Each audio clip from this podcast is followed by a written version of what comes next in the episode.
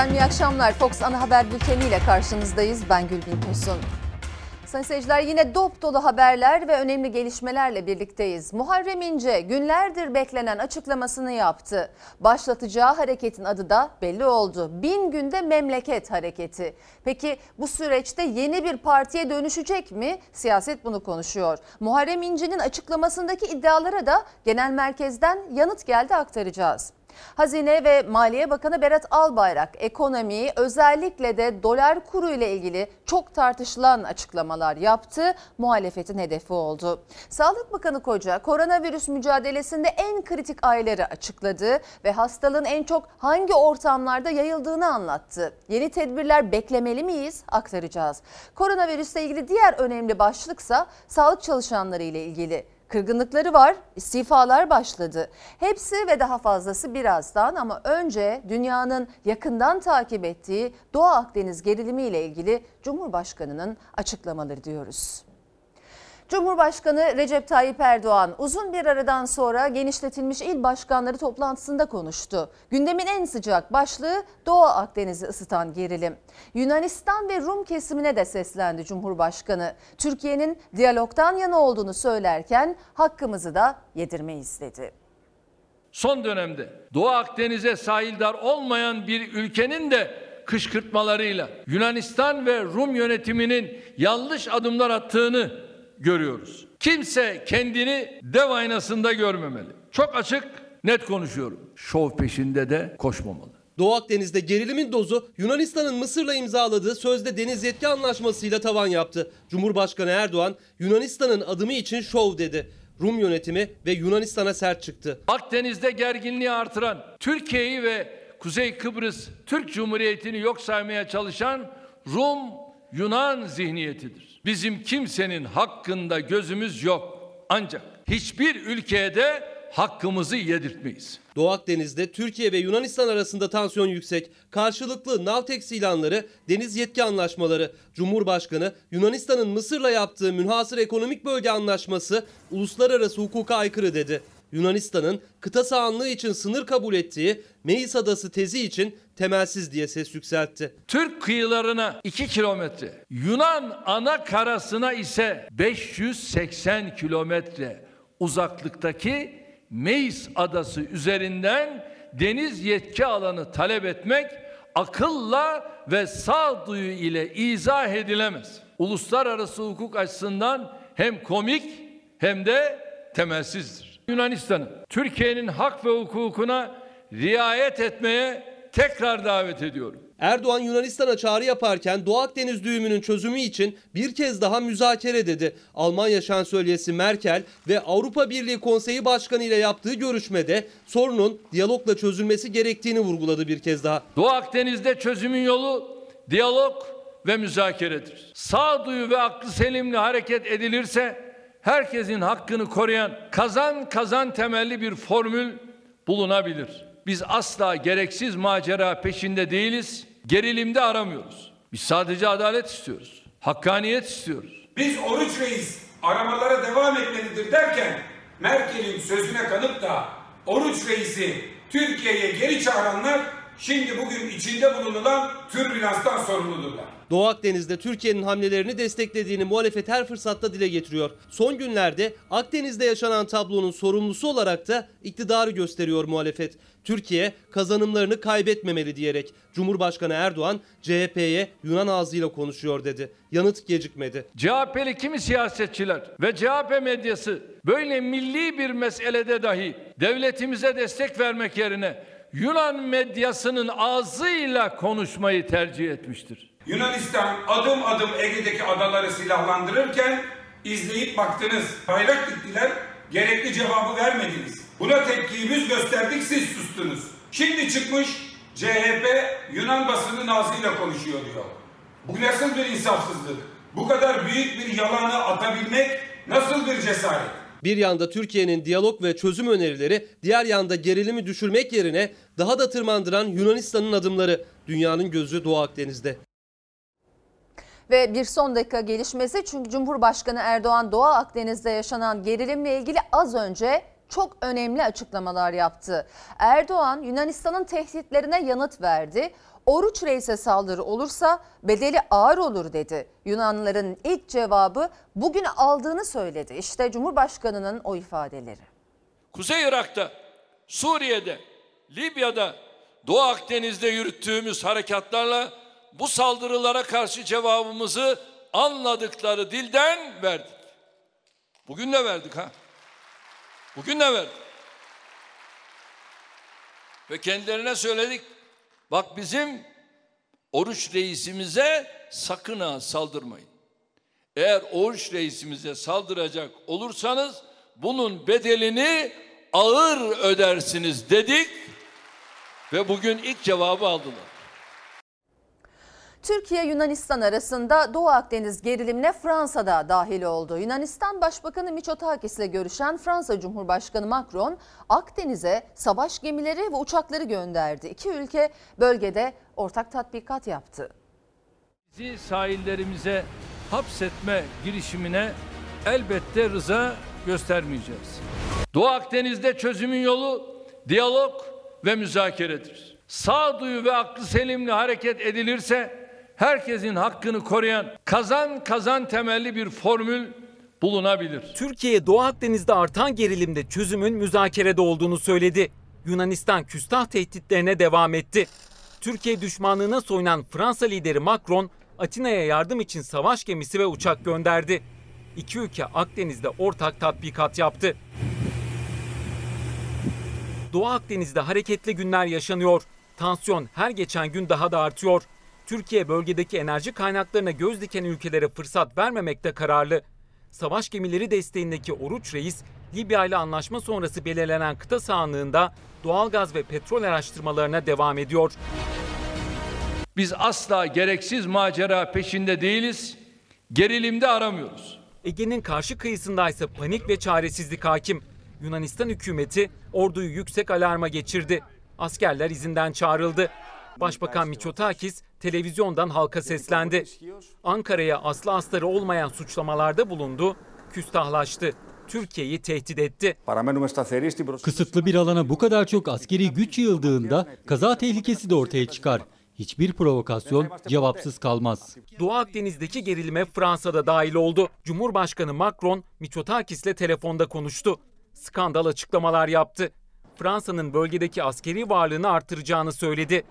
Türkiye'ye Doğu Akdeniz'de doğalgaz arama çalışmalarını durdurma çağrısı yaptı. Macron filan bunların derdi tekrar sömürgeci yapıyı ayağa kaldırmak. Fransız ordusu vakit kaybetmedi. Bölgeye iki fırkateyn, helikopter gemisi ve iki savaş uçağı gönderdi. Savaş uçakları Girit adasına indi. Fransız ve Yunan güçleri bölgede ortak tatbikat yaptı. Tatbikatın Türkiye'nin Navtex ilan ettiği bölgeyi de kapsayacak şekilde gerçekleştiği açıklandı. Yunanistan Başbakanı Mitsotakis, Mısır'ın darbeci lideri Sisi ile de telefonda görüştü. İki lider, Ankara için hiçbir geçerliliği olmayan deniz yetki alanlarını sınırlandırma anlaşmasını ele aldı. İşbirliğini arttırmakta anlaştı. Birkaç kilometre karelik adalar üzerinden bizi sahillerimize hapsetme girişimine elbette rıza göstermeyeceğiz. Mısır'la hukuksuz anlaşmanın mimarlarından Yunan Dışişleri Bakanı Dendias apar topar İsrail'e gitti. Başbakan Netanyahu ve İsrailli mevkidaşı Aşkenazi ile görüştü. Dendias, Ankara'ya karşı yardım talebinde bulundu. Görüşme sonrası Netanyahu sosyal medyadan açıklama yaptı. Türkiye dahil Doğu Akdeniz'de her türlü saldırgan eylemi ciddiye aldığımızı açıkça belirttim dedi. Türkiye ile Yunanistan arasında bir başka kriz noktası ise Batı Trakya. Türk azınlığa ait okulların kapatılmasına Ankara tepkili. Benim Batı Trakya'daki soydaşlarıma, kardeşlerime saldıranlar da şunu bilmeli ki bunun uluslararası hukukta da diğer yöntemlerle de hesabını verirler. Cumhurbaşkanı Erdoğan, Batı Trakya'da yaşananlar konusunda Avrupa Birliği'ni de uyardı. Brüksel'e, Atina'ya hesap sorma çağrısı yaptı.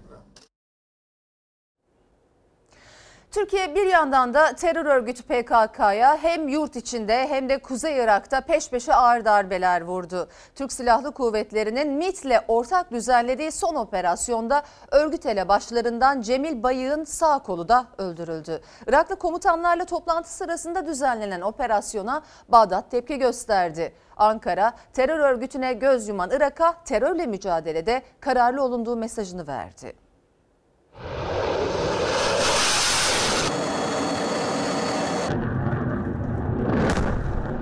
Türk Silahlı Kuvvetleri Irak'ın kuzeyinde nokta operasyon yaptı.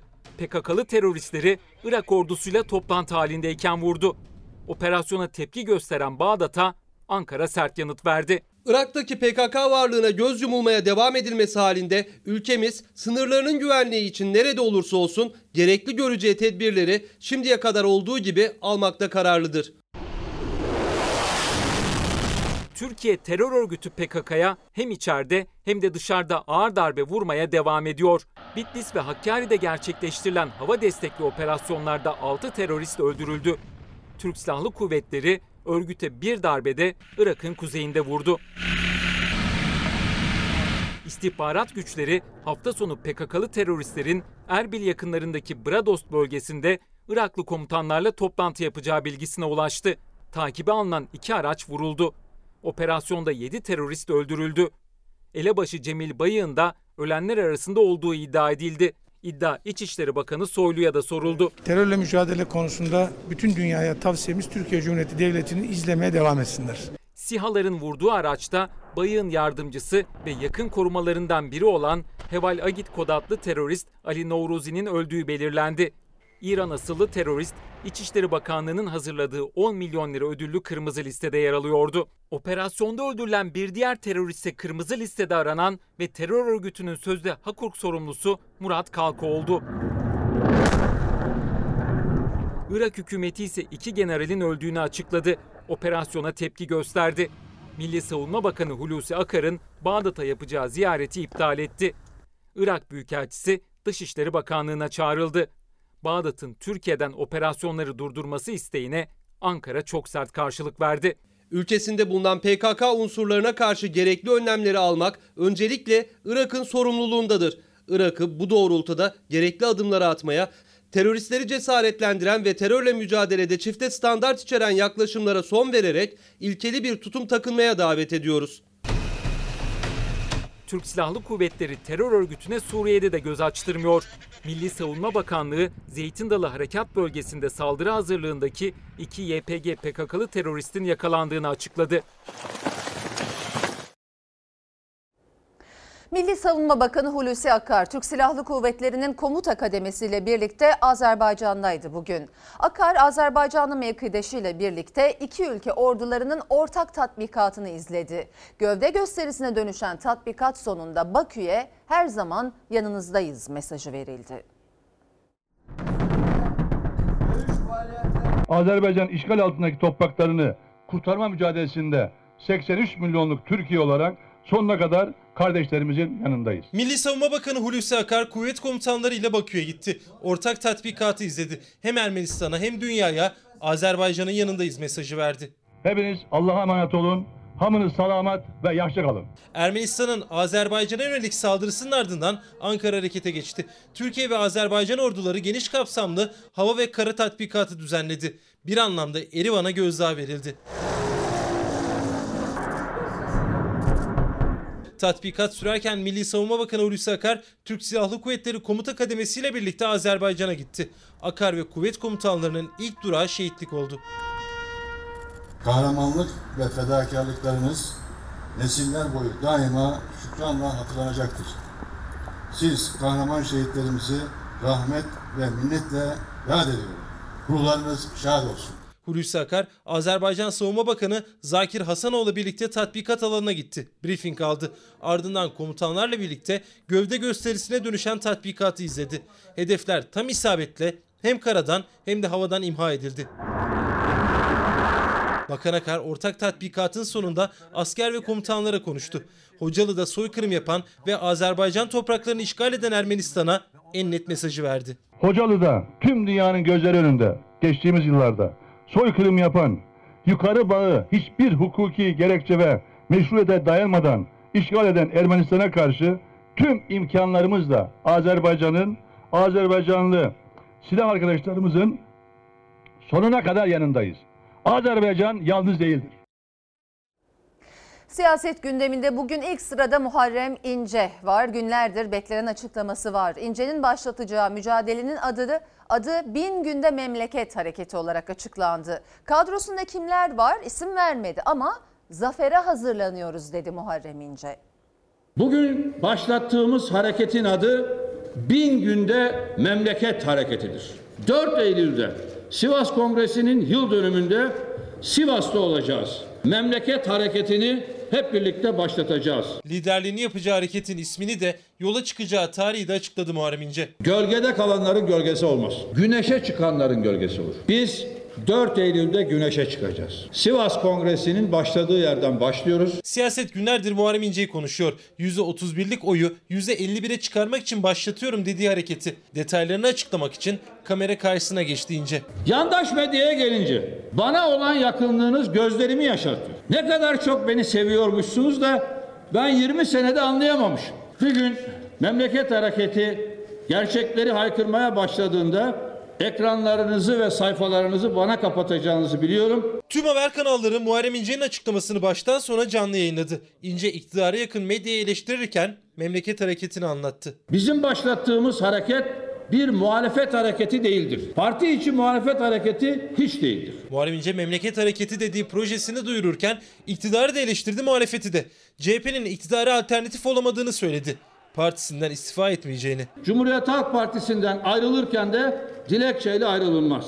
Ayrılsam bile Cumhuriyet Halk Partisi'ni kurtarmak için ayrılırım. Tıpkı Mustafa Kemal Atatürk'ün İstanbul'u kurtarmak için ayrılıp Ankara'ya gitmesi gibi. Parti kurmuyor, hareket başlatıyor. Muhalefet değil ama iktidar olmak istiyor İnce. Zafere hazırlanıyoruz sözleriyle alanında uzman kişilerden oluşmuş bir kadroyla Anadolu'yu dolaşacak. Partiyi bölüyor yorumlarına da tepkili. Bu Cumhur İttifakı. Bu da Millet İttifakı. Yani ben bu Millet İttifakı'ndan ayrılıp buraya mı geçiyorum? Niye bölmüş oluyorum? Buradan buraya su taşıyacak mıyım? Hayır. Muharrem İnce hareketin amacını hedefini anlattı. Bu hareketin bir partiye dönüşüp dönüşmeyeceğini zaman gösterecek dedi. Bizim hareketimizde asla Atatürk düşmanları olmayacaktır. Bu hareket aklı ve bilime esas alacaktır. Irk, din, dil, mezhep, cinsiyet ayrımcılığına şiddetle karşı çıkacaktır. Dolar 7.20'leri aşmışken, hukuk sistemi çökmüş, adalet can çekişirken yola çıkmanın tam zamanıdır. Yolumuz zordur, kenetlenerek bu zorluğu aşacağız. Muharrem İnce bin günde memleket hareketi ismini verdiği hamlesini açıklarken CHP Genel Başkanı Kılıçdaroğlu ve kurmaylarını da sert ifadelerle hedef aldı. O sözlere hem sözlü hem yazılı yanıt geldi. İnce ile CHP arasındaki tartışmaya Cumhur İttifakı ortakları MHP ve AK Parti de girdi. Türkiye'nin sorunlarını ne tek adam iktidarı ne tek adam muhalefeti çözebilir. Önümüzdeki ilk seçimlerde dostlarımızla birlikte iktidar olacağız. İktidara yürüme iddiası yok ki zaten. Ömrüm CHP zihniyetiyle mücadele etmekle geçti diyen dostlarına değil, önce kendi gücüne ve kendi evlatlarına güvenmelidir. Cumhuriyet Halk Partisi'nde siyaset yapanlar kişisel kariyer planlarıyla değil, bütün CHP'nin ülkenin geleceğine ilişkin planlarıyla o konudaki yol yürüyüşüyle ilgilenirler. Parti kurar mı kurmaz mı bilmiyorum ama benim tespitim şudur. 4 Eylül'de Sivas Kongresi'nin ruhuyla atacağı adımla CHP içinde Atatürk'e dönüş hareketini başlatacaktır. Bin günde memleket hareketi diyerek yola çıkıyorum diyen Muharrem İnce'ye MHP lideri Bahçeli tam destek verirken İnce'nin iddialarına CHP Genel Merkezi'nden hem sözlü hem yazılı yanıt geldi. 14 milletvekilinin hepsine tırpan çekilmiş. Tek bir gerekçesi var Muharrem İnce'ye yakın olması. Cumhuriyet Halk Partisi'nin aday belirleme ölçüsü kimin kime yakın olduğu değil kazanma potansiyelidir. Bu potansiyel de yapılan anketlerle belirlenmiştir. Öte yandan iddia sahibinin dünürü de dahil olmak üzere yerel seçimlerde de halkın desteğini alan her CHP'li aday gösterilmiştir. Bilgi verin diyorum bilgi vermiyorlar. 13 bin sandıkta Cumhuriyet Halk Partisi'nin gözlemcisi yok. 4 milyon oyu sokağa bırakmışlar.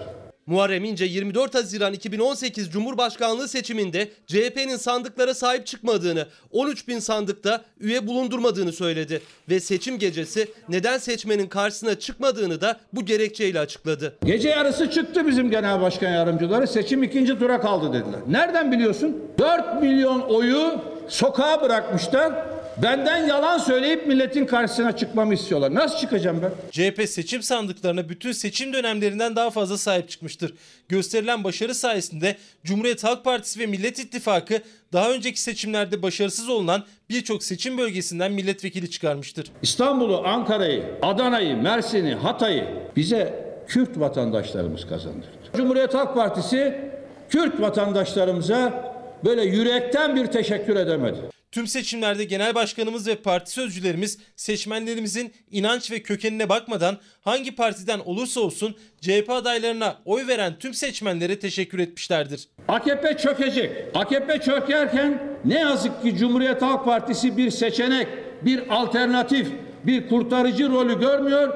Cumhuriyet Halk Partisi sadece bir gözlemci olarak olayı seyrediyor. Partimize ve ülkeye dayatılan suni gündemlerle ilgilenmeme, bu konuda konuşmama noktasında da milletvekillerimizin kararlılıkları vardır. CHP İnce'nin çıkışını suni gündem olarak da yorumladı. Kılıçdaroğlu milletvekillerine İnce'ye yanıt vermemeleri konusunda uyardı. Cumhur İttifakı ortakları AK Parti ve MHP'den açıklamalar arka arkaya geldi. Muharrem İnce kaynağından ve kökünden kopan CHP'yi özüne döndürmek maksadıyla çaba sarf edecektir. Anlaşılan odur ki bin günde memleket parolasıyla Atatürk'ü ve kurucu değerleri hareketin mihveri yapacağı anlaşılmaktadır. Millet İttifakı'nın zaten kendi içerisinde büyük sorunları var. Baş sebebi birbirine benzemezler ittifakından oluşmuş olması. İnce'nin CHP'ye yönelik sözleri siyasette böyle yankılandı. Sayın seyirciler Hazine ve Maliye Bakanı Berat Albayrak'ın döviz kurları ile ilgili yaptığı açıklamalar bugünün yine öne çıkan başlıklarından biriydi.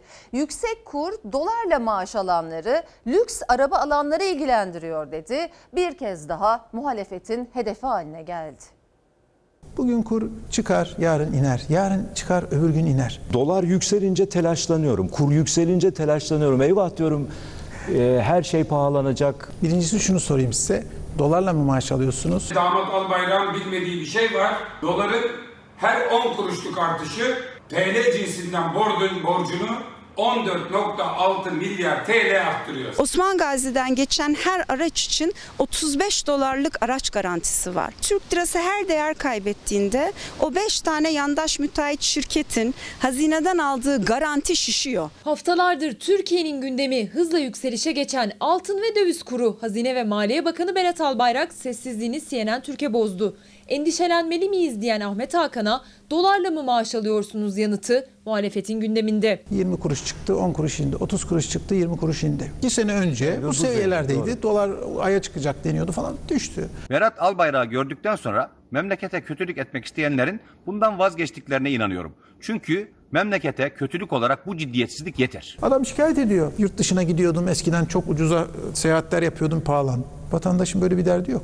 Dalga geçmek bu söylediği şey. Şunu soralım biz de bakana. Türkiye'deki öğrenci Avrupa'daki, Amerika'daki yaşıtları gibi bir eğitimi hak etmiyor mu? Önemli olan kurun seviyesi değil, rekabetçi olup olmamasıdır. Türkiye bugün bu iktidar nedeniyle 431 milyar dolar borçlu dışarıya. Sadece Ağustos ayı içerisinde Türk lirasının değer kaybı 36 kuruşa ulaşmış vaziyette. Bu da ödeyeceğimiz borcun 155 milyar lira daha fazla olması anlamına geliyor. Kim ödeyecek bu parayı? 83 milyon ödeyecek. Muhalefetin geçtiğimiz hafta istifaya çağırdığı Cumhurbaşkanı'na görevden al dediği Hazine ve Maliye Bakanı Berat Albayrak, Türk lirasının değer kaybını olumsuz görmediğini söyledi. Değerli TL dedik ya, yatırımcı, sanayici, üreticiye sorun bakayım. Bu dönemlerde kim fabrika kurayım, yatırım yapayım, istihdam yapayım demiş. Kardeşim bu kadar değerli TL ile ihracatta uğraşılır mı? Hop ithalatçı ol. Madem rekabetçi kuru iyiydi, madem piyasanın belirlediği kur doğru kurdu, o zaman neden 95 milyar dolarlık rezerv sattınız? Pandemi öncesi Türkiye'nin %5 büyüyeceğini söylemişti Bakan Albayrak. 2020 hedefini revize etti. Ekonomide daralma beklense de Türkiye pandemiden en az etkilenen ülkelerden dedi. Muhalefet de rakamlarla yanıt verdi. %6, %8, %10 Türkiye küçülecek, %5 küçülecek. Ben yine iddia ediyorum, yine yanılacaklar. Yani tahminler e, eksi 2 ile artı bir arası bakan olduğumdan beri her gün Türkiye batıyor. Sadece son bir yıl içerisinde 2,5 milyon var olan istihdam, var olan iş. Yani bırakın yeni iş alanını, var olan iş yok olmuş vaziyette. Şimdi bu batmak değilse batmak ne acaba? Ekonomideki yakıcı başlıklardan biri de istihdam konusu. Pandemi sürecinde 2 milyona yakın işçi ücretsiz izne çıkarıldı. Yapılan ödeme ise sadece 1168 lira. Bu parayla büyük zorluk yaşayan işçiler için Disk Başkanı Arzu Çerkezoğlu da ücretsiz izin yoksulluktur diyerek tepki gösterdi. Pandemiden dolayı e, müşteri gelmediği için kapanmış atölye. Ondan sonra atölye açıldığı için tek vardı üzerine çalışıldığı için çağrılmadım. Ücretsiz izne mi çıkarıldı? Aynen evet. 1 milyar 168 ile geçinmesi zor oluyor. İstanbul'da kiralar 1 milyar, 2 milyar, 3 milyar mesela. Ücretsiz izin ne yetiyor? Hiçbir şey hiçbir şey yetmiyor. Çalışma yok. Ücretsiz izni bırak şimdi işler de açılsa yine bize iş yok. Tek gelirleri 1168 lira. Aynı durumda olan 2 milyona yakın işçi var. Aslında işçiler ama işte değiller. Ücretsiz izindeler. Ücretsiz izin uygulaması işçiler açısından çok önemli mağduriyetler yarattı.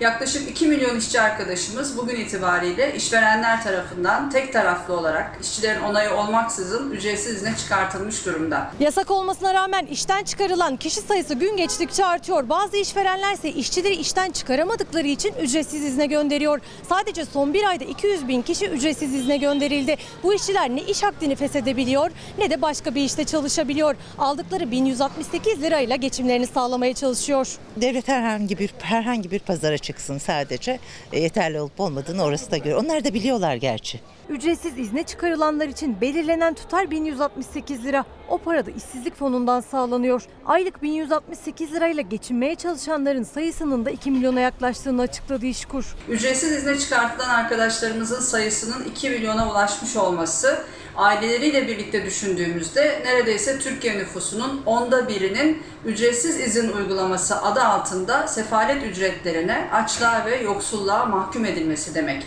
Disk Başkanı Arzu Çerkezoğlu ücretsiz izne çıkarılan işçilerin yaşadıkları mağduriyeti dile getirdi. Ödenen tutarın açlık sınırının altında olduğuna dikkat çekti. Ücretsiz izin açlıktır, yoksulluktur. Günlük 39 lirayla aylık 1168 lira gibi açlık sınırının bile altındaki bir asgari ücretin yarısı kadar bir ücretle yaşamaya mahkum edilmesidir. 1,5 milyar ev kirası. 3 iki tane çocuk okuyor. Nasıl yeterli? Kira, mutfak masrafı, ulaşım derken giderler gelirin neredeyse 3 katına denk geliyor. Geçimini sağlayamayan birçok kişi çıkmazda işten ayrılsa yeni iş yok. Benim ailem pazarcı. Ee, pazarcı oldukları için herhangi bir gelirleri zaten pazar haricinde bir gelirimiz yok. Biz o dönemde en çok zorluk çeken kişilerden biri olduk. Okuduğum yerde de kafede falan öğrenci olduğum için çalışıyorum. E kafelerde kapanınca doğal olarak bin lira farklı farklı yerlere gidiyor. Bir ay bile yetmiyor. İşi bırakmadım. Ee, işten de bu yani bıraksak da o, o anda zaten iş bulamazdım. Para yok, e, iş yok. Çoluk çocuk var. Biraz mecbur kredi çektik. Ancak o şekilde dönebildik. Koronavirüs salgınında son duruma bakacağız şimdi. Ne yazık ki günlük vaka sayısında düşüş bir yana rakamlar daha da artıyor. Sağlık Bakanı Fahrettin Koca da özellikle ağır hasta sayısındaki artışa dikkat çekti. Bir de önümüzdeki kritik takvimi açıkladı. Ekim ve Kasım aylarında risk artabilir. Önümüzdeki dönemde özellikle ikinci dalga beklentisinin olduğunu hepimiz görüyoruz. Gevşeme bize bugünlerimizi aratabilir. Özellikle Ekim-Kasım aylarında gribal enfeksiyonların da devreye girmesiyle riskin daha fazla artması muhtemeldir. Normalleşme takviminde en kritik ayları açıkladı Sağlık Bakanı. Takvim bir kez daha gözden geçiriliyor, yeni adımlar atılıyor. Tabloya göre tedbirler sıklaşabilir. Çünkü 67.237 testten 1212'si pozitif çıktı. 18 hasta daha hayatını kaybetti. Toplam can kaybı 5891 oldu. Vaka sayısı bir önceki güne göre arttı ama Sağlık Bakanı Fahrettin Koca özellikle ağır hasta sayısına dikkat çekti. 2 Mart'tan itibaren en yüksek test sayısına son 24 saatte ulaştık. Ağır hasta sayımızda 15 artış var. Hastalığın yayılımı sabit ortamlarda, örneğin aile içinde hızlı. Bir hasta hastalığa yakalanmış bir aile demek. Her birimiz hepimiz için tedbir alalım. İki buçuk saat süren bilim kurulu toplantısı sonrası Sağlık Bakanı Fahrettin Koca yazılı bir açıklamayla koydu son tabloyu gözler önüne. Önümüzdeki günlerde yeni düzenlemelerin de duyurulacağını açıkladı. Bölgesel vaka artışlarına dikkat çekti. Bu artışların özellikle sonbaharda hız kazanabileceğini duyurdu. Tedbirlere riayet hala istediğimiz, arzuladığımız seviyede değil. Bu konudaki gevşeme bize bu günlerimizi aratabilir. Özellikle Ekim-Kasım aylarında gribal enfeksiyonların da devreye girmesiyle riskin daha fazla artması muhtemeldir. Gribal hastalıkların semptomlarıyla COVID-19 hastalığının semptomlarının aynı olmasının ise endişeyi artıracağını söyledi Bakan Koca ve aylardır değişmeyen uyarısının bir kez daha altını çizdi. Temizlik, maske ve mesafe. Bu kuralları dikkate almazsak yarın karşımıza kontrol edilemez bir tablo çıkabilir. Son tabloda hala tedbirlerden uzak kalındığını gösteriyor. Bir önceki güne göre 617 olan ağır hasta sayısı 632'ye yükseldi. İyileşen hasta sayısında da düşüş var. Günlük iyileşen hasta sayısı binin üstündeydi, binin altına düştü. Oysa asıl amaç günlük vaka sayısında binin altına düşmek yeniden. Ama tam tersi 1212 yeni Covid-19 hastası eklendi. Vakalar her geçen gün artmaya devam ederken toplu organizasyonların hız kesmemesi ve önlemlerin uygulanmıyor oluşu sağlık çalışanlarını isyan ettirdi. Özellikle tedavinin en çok yükünü çeken göğüs hastalıkları uzmanlarından istifalar başladı. Göğüs hastalıkları uzmanları pandemi sırasında birçok ilde e, yatak doluluğundan, hasta yatıramamaktan veya protokolda meydana gelmiş değişikliklerden hastayı istedikleri gibi tedavi edememekten, yoğun bakıma yatacak hastaları yoğun bakıma yatıramayıp acilin arka taraflarında izlemekten son derece mutsuzdurlar. Durumun ne kadar ciddi olduğunu bu sözlerle anlattı. Plajlar, düğünler, AVM'ler, eğlence mekanları hiçbir şey yokmuş gibi dolup taşarken hastanelerin de dolup taştığını Türk Toraks Derneği açıkladı. Çapa Tıp Fakültesi Dekanı Profesör Doktor Tufan Tükek de sağlık çalışanlarında bıkkınlık, kızgınlık ve kırgınlık oluştu diye uyardı. Dışarıda yaşam tüm vurdum duymazlığıyla devam ederken hastanelerde sağlık çalışanları canla başla mücadele ediyor. Göğüs hastalıkları uzmanları birçok hastanede emekliliğini istemekte ve istifa etmektedir. Maalesef bunun nedeni pandeminin kontrolsüzlüğüdür. Kontrollü yeni yaşamdı adı ama uzmanlara göre kontrolden çıktı. Salgın sanayi bölgelerinde başlamakta ama o sanayi bölgesinin içindeki hastalık, hastalığın peşine düşülmemekte, hastalığın önlenmesi ve denetimi yapılmamakta ve hastalar biriktikten sonra hastanelerdeki yükler artmaktadırlar. Denetimsiz, salgın yokmuş gibi devam eden kontrolsüz yaşamlar uğruna 35 derece sıcakta kat kat giydikleri ekipmanların içinde mücadele ediyor sağlık çalışanları. O mücadelede hayatını kaybeden hekimlerin isimleri hastanelerin adında yaşıyor şimdi. Onlar yaşatmak için çalışırken kaptıkları virüs yüzünden hayatlarından koptu ancak çabuk unutuldu. Bayramdaki görüntüler kırdı sağlık çalışanlarını. Çapa Tıp Fakültesi dekanından salgını önemsemeyen kişilere geldi bir sistem. Sağlık çalışanlarında bıkkınlık, kızgınlık ve kırgınlık oluştu. Bayramdaki görüntüleri gördükten sonra insanların çalışma hevesi kırıldı. Vaka sayıları artarsa ne olacak inanın bilmiyoruz. 35 derece sıcakta virüse karşı koruyucu ekipmanla gün geçirmenin ne demek olduğunu bizler biliyoruz. Dolmuş hastaneler, yoğun bakımdaki eksiklikler, malzeme eksiklikleri, bazen ilaca ulaşamamak o hekimi yetersiz hale getirmekte ve mutsuz etmektedir. Bir uyarı da hastalığın yükünü taşıyan göğüs hastalıkları uzmanlarının yer aldığı Türk Toraks Derneği'nden geldi. Pandemi kontrolü aslında sahada yapılır. Sahada yapılmayan pandemi kontrolü bir çığ gibi, tsunami gibi göğüs hastalıkları uzmanının üstüne binmektedir ve hızla gelmektedir. Bu yükü göğüs hastalıkları uzmanları tek başına daha fazla kaldıramayacaktır. Hastalarımızı Türkiye'de tedavi edecek hekim bulmakta zorlanacağız. Cumhurbaşkanı Erdoğan'dan da benzer bir uyarı vardı. Hamdolsun doktorlarımız büyük çabalarla, büyük gayretler sarf ettiler, sarf ediyorlar. Halkımız da bizi anlasın. Yani toplu yerlerdeki birçok yapılan eğlenceler, şunlar bunlar vesaire. Ara verin ya. Bu dönemde de eğlencelere vesaire ara verin. Milyonlarca öğrenci, veli ve eğitim çalışanının merak ettiği soru cevabını buldu. Milli Eğitim Bakanı Ziya Selçuk, bilim kurulu toplantısı sonrası dün akşam okulların yeni eğitim takvimini açıkladı. 31 Ağustos'tan 21 Eylül'e kadar öğrenciler uzaktan eğitim görecek. 21 Eylül'de ise ders zili çalacak ancak bazı değişiklikler var.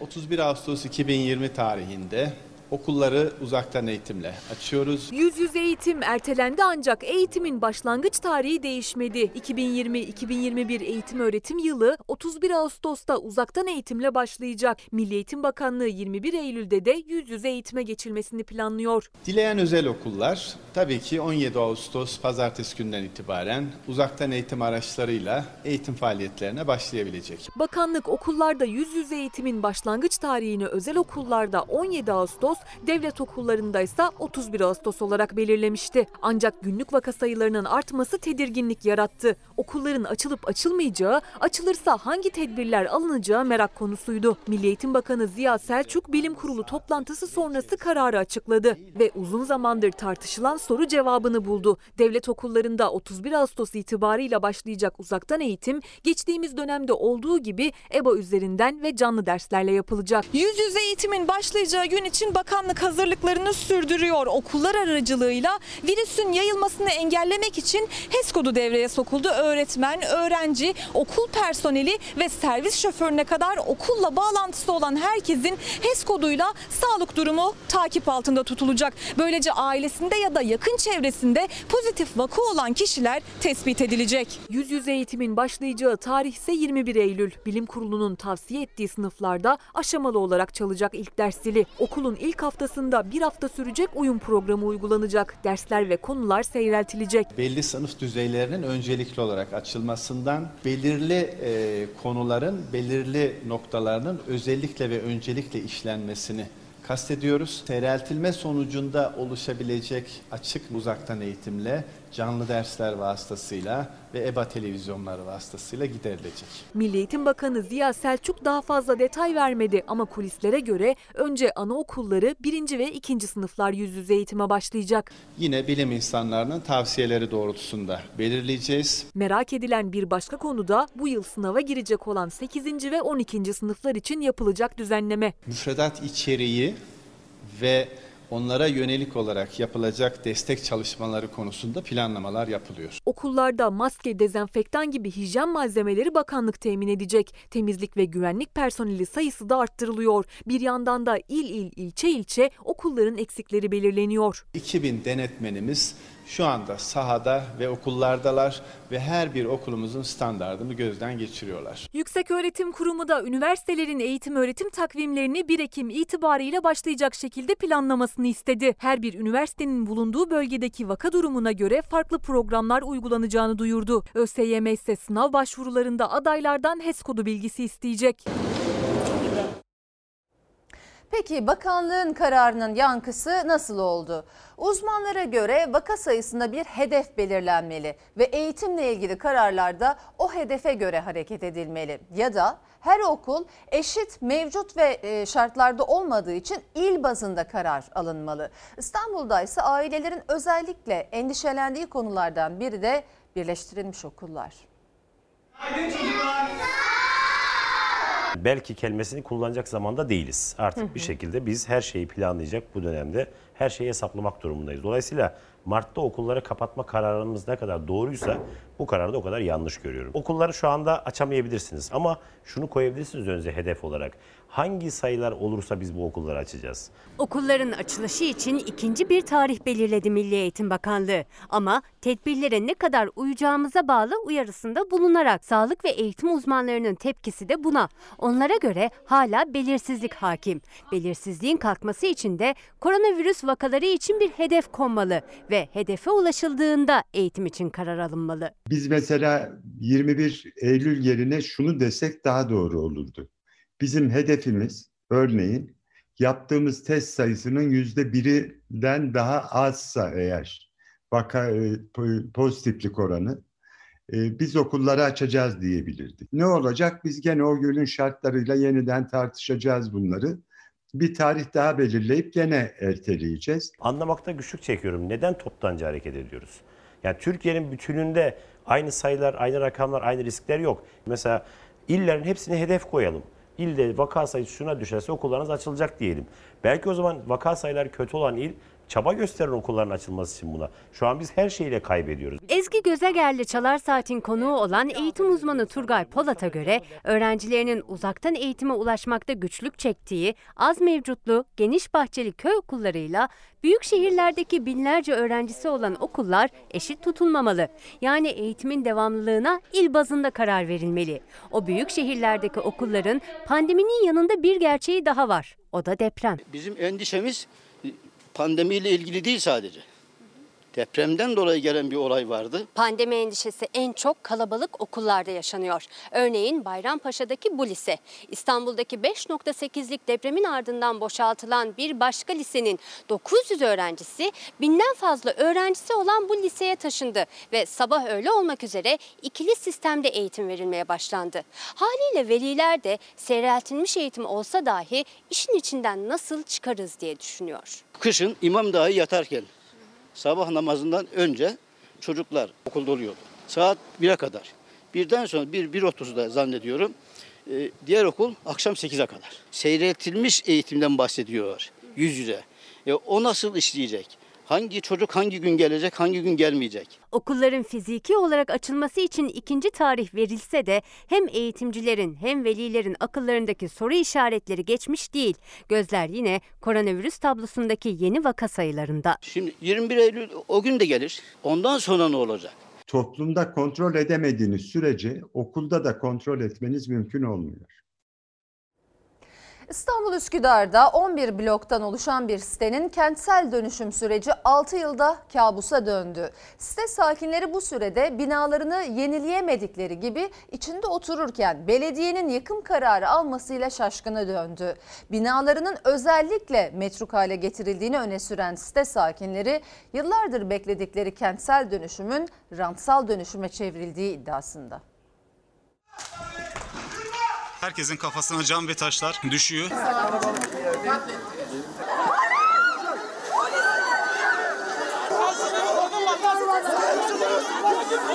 Şu halimize bakın ya. Şu halimize bakın ya. Ben nereye gideceğim? Belediye bana bir yer göstermemiş. Ben nereye gideceğim ya? Metruk denilerek zabıtanın dayandığı binada yaşayanlar da vardı. Elektrik, su, doğalgazda ve hatta site sakinlerinin mahkeme kararı da. Ama kapı pencere gün ağrırken indirildi. İçeride insanlar varken binada yıkıma başlandı. Kentsel dönüşüm çıkmazında bir kez daha isyan sesleri yükseldi, gözyaşı döküldü. Yazıklar olsun. Hiç mi vicdanları sızlamadı? Sen olsan bırakır mısın evini terk eder misin? 7 sene bekliyoruz. Yapsın bir şeyler sundun önümüze. Proje, plan, her hiçbir şey yok. İstanbul Üsküdar Acıbadem'de 11 bloktan oluşan kooperatif sitesi bizzat başvurmuştu dönüşüm için. Özel bir firma girdi devreye ilçe belediyenin de desteğiyle. Ancak 6 yılda hiçbir yol kat edilemedi. Belediye ise son olarak içinde hala yaşam olan siteye metruk diyerek yıkım kararı çıkardı. Ancak mahkeme 12 Ağustos'ta yani dün binaların tüm tesisatın hala aktif olması ve bilirkişi raporunun olmaması nedeniyle yıkım kararını durdurdu. Dünden bugüne karar yazım aşamasındayken bilirkişi gelmeden zabıtalar sabah 7'de sitedeydi yıkım için. Gördüğünüz gibi. Sabahın köründe gelip baskın. Onlar içeride içeride Ama içeride insan... Daire sahipleri karşısında. Haber için çekim yapılamaz denilen yerde ise kimliğini saklayan belediye çalışanı sürekli kayıttaydı. Binanın durumunu ya da isyan seslerini değil, haber yapanı çekiyordu. Beyefendi. Abi Beyefendi. gel abi gel. Pardon kim olduğunuzu öğrenebilir miyim en azından? Gözlüklü beyefendi. Yürütmeyi durdurmaya rağmen yaptılar bu işi. Bu işi yaptılar. Durdurulması kararı geldi. Abi abiler açın evimize gidin. Hadi hadi. Hadi hadi hadi.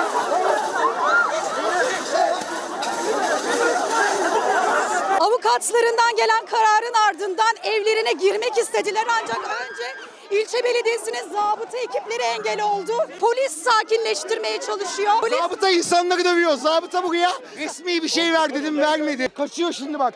Kaçıyor.